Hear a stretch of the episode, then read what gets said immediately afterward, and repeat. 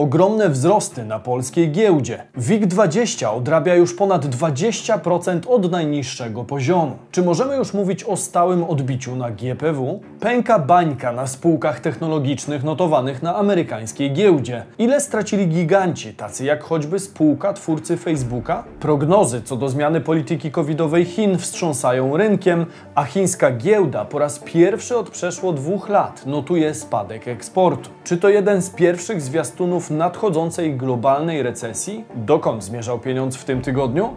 Sprawdźmy to.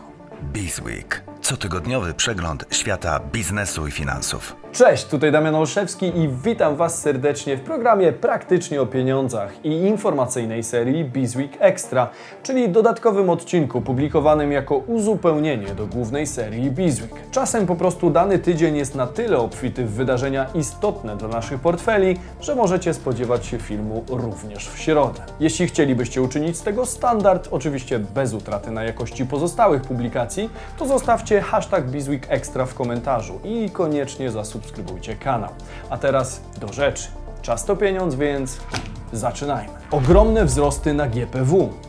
Na polskiej giełdzie od niedawna mamy do czynienia z dużym ożywieniem rynku. Miniony tydzień był drugim tygodniem mocnych wzrostów, co poskutkowało tym, że WIG20 znalazł się w technicznej hossie. Jest to sytuacja, w której indeks odbija o co najmniej 20% od dna Bessy. W piątek WIG20 wspiął się na zamknięciu na poziom 1601,27 punktów, czyli 19,7% wyżej od poziomu z 13 października, kiedy wyznaczył dno wielomiesięcznej Bessy i kiedy również zyskał miano najgorszego indeksu na świecie. W bilansie tygodnia WIG20 nawiązał do poprzedniego i zyskał 6,14%.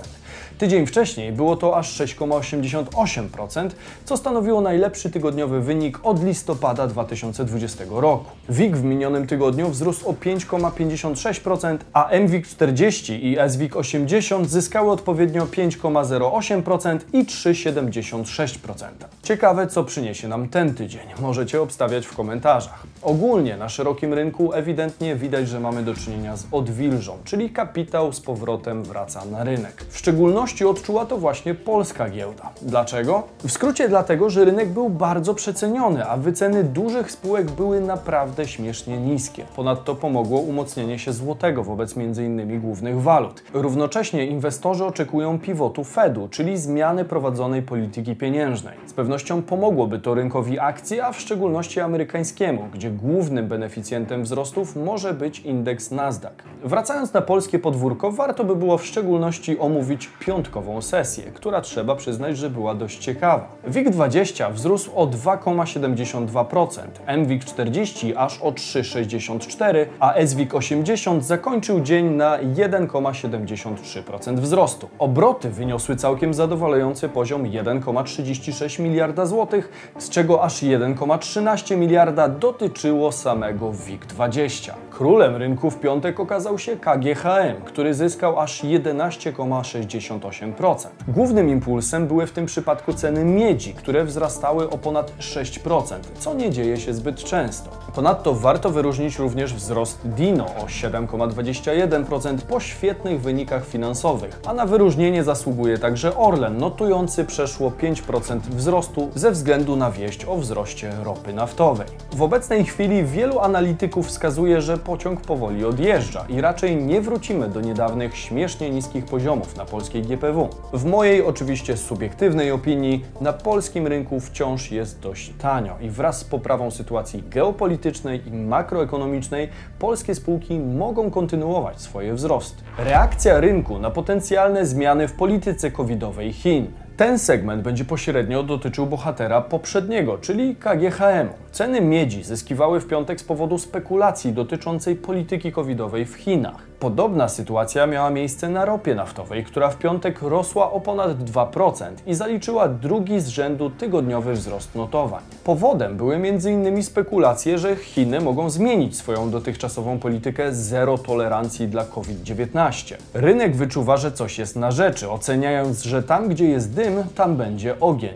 mówi Steven Ines, partner zarządzający w SPI Asset Management. Nikt nie chce się spóźnić na imprezę ponownego otwarcia gospodarki Chin. Pamiętajmy jednak, że te spekulacje miały miejsce w piątek a przez weekend mogło się wydarzyć wiele. No i właśnie się wydarzyło. Chińska Państwowa Komisja Zdrowia poinformowała, że Chiny będą w dalszym ciągu stosować strategię tzw. Tak dynamicznego zerowania ognisk zakażeń koronawirusem. Jak w praktyce wygląda polityka covidowa w Chinach? W walce z wirusem całe miasta zamykane są w lockdownach. Miliony mieszkańców poddawane są przymusowym badaniom i kwarantannom, a przy wejściu do miejsc publicznych trzeba okazać tzw. Tak kody zdrowia w aplikacjach. Na pytanie, czy polityka zostanie w najbliższym czasie zmieniona, przedstawicielka Komisji Zdrowia Hu Xiang oświadczyła, że stosowane w Chinach środki są całkowicie właściwe, jak również najbardziej ekonomicznie oszczędne i skuteczne. Dodatkowo powiedziała, że powinniśmy stosować się do zasady stawiania ludzi i życia na pierwszym miejscu oraz szerszej strategii zapobiegania przywleczeniu z granicy oraz wewnętrznym nawrotom pandemii. Powiedziała Hu cytowana przez agencję Reutera. Jak się okazało, spekulacje nie były trafne i ma to oczywiście ogromne przełożenie na rynek. Już w poniedziałek rano, czyli w chwili pisania materiału, ceny ropy spadają w związku z rosnącymi obawami o popyt, które spowodowane są właśnie wypowiedzią Hu Xiang. Oświadczenie to położyło kres niedawnym spekulacjom na temat potencjalnego zwrotu rządu Chin odnośnie polityki zero COVID, które wywołały tygodniowy wzrost na rynku akcji i surowców. Dla przykładu, kontrakty terminowe na ropę naftową West Texas Intermediate spadały o 1,3% do poziomu 91,47 dolara za baryłkę. Sami widzicie, jak to często bywa ze zmiennością na giełdzie.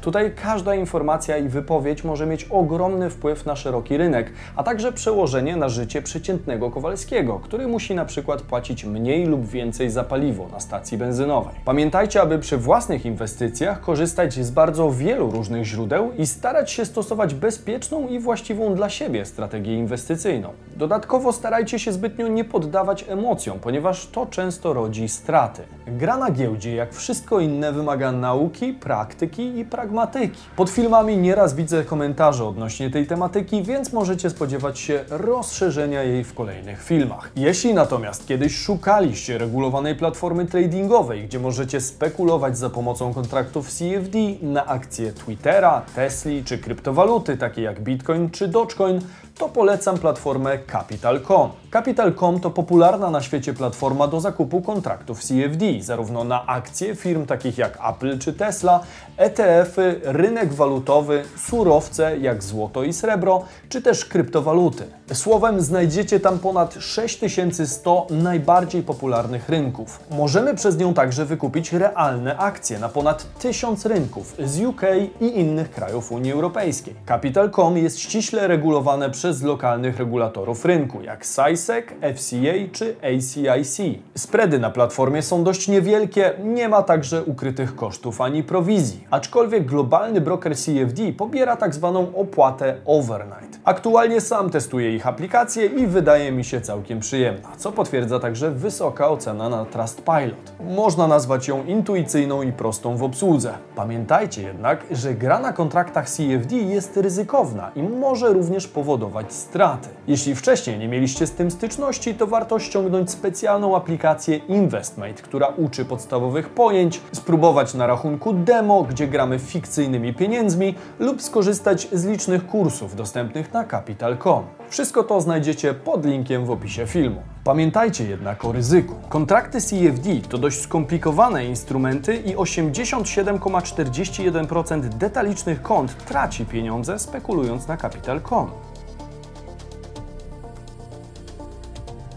Amerykańskie spółki technologiczne mają problem. W USA mamy de facto do czynienia z pęknięciem bańki na spółkach technologicznych. Widać to choćby na szerokim rynku Nasdaq, który spadł od początku roku aż o 1 trzecią. Pewnego rodzaju symbolem pękniętej bańki stała się dramatyczna wycena spółki Meta, czyli dawnego Facebooka. Od początku roku zanotowali zjazd o ponad 73% wartości. Jest to wręcz niewiarygodny spadek wyceny tej spółki na giełdzie. Najnowsze wyniki finansowe za trzeci trzeci kwartał 2022 tylko pogłębiły spadki. Powiedzieć, że wyniki spółki Meta są fatalne, to jakby nie powiedzieć nic. Zysk netto wyniósł zaledwie 4,4 miliarda dolarów i okazało się, że jest aż o 52% niższy w porównaniu z analogicznym okresem ubiegłego roku. Gorsze okazały się również przychody, wyniosły 27,71 miliarda dolarów, co stanowi spadek w wysokości 4% i oznacza najwolniejsze tempo wzrostu od czasów wejścia na giełdzie w 2012. Spadł także współczynnik EPS, czyli Earnings Per Share.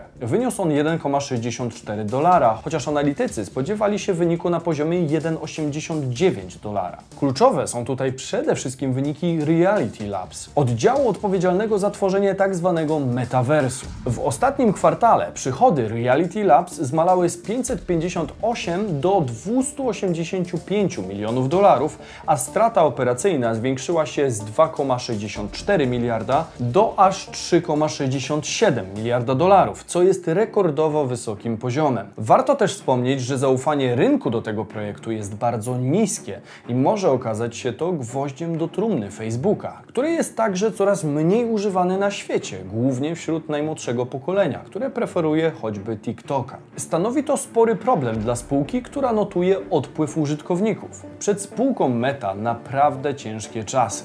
O tym wspominał również sam Mark Zuckerberg, który w zeszłym roku informował, że spółka zamierza przejść bolesną i ryzykowną transformację, by w długoterminowej perspektywie zmienić się z platformy społecznościowej w coś w rodzaju technologicznego hubu wirtualnych światów Metaverse. Dowodem tego była choćby niedawna zmiana nazwy oraz stworzenie Reality Labs. Pytanie jednak, czy ta technologia nie okaże się zanadto wyprzedzać swoich czasów? Wszystko, co robimy, tworzymy dla Was, więc pytanie, czy chcielibyście zobaczyć opracowanie tematu perspektyw biznesowych dla wirtualnej rzeczywistości, jak Metaverse i podobnych pomysłów tego rodzaju? Jak zwykle dajcie znać w komentarzu.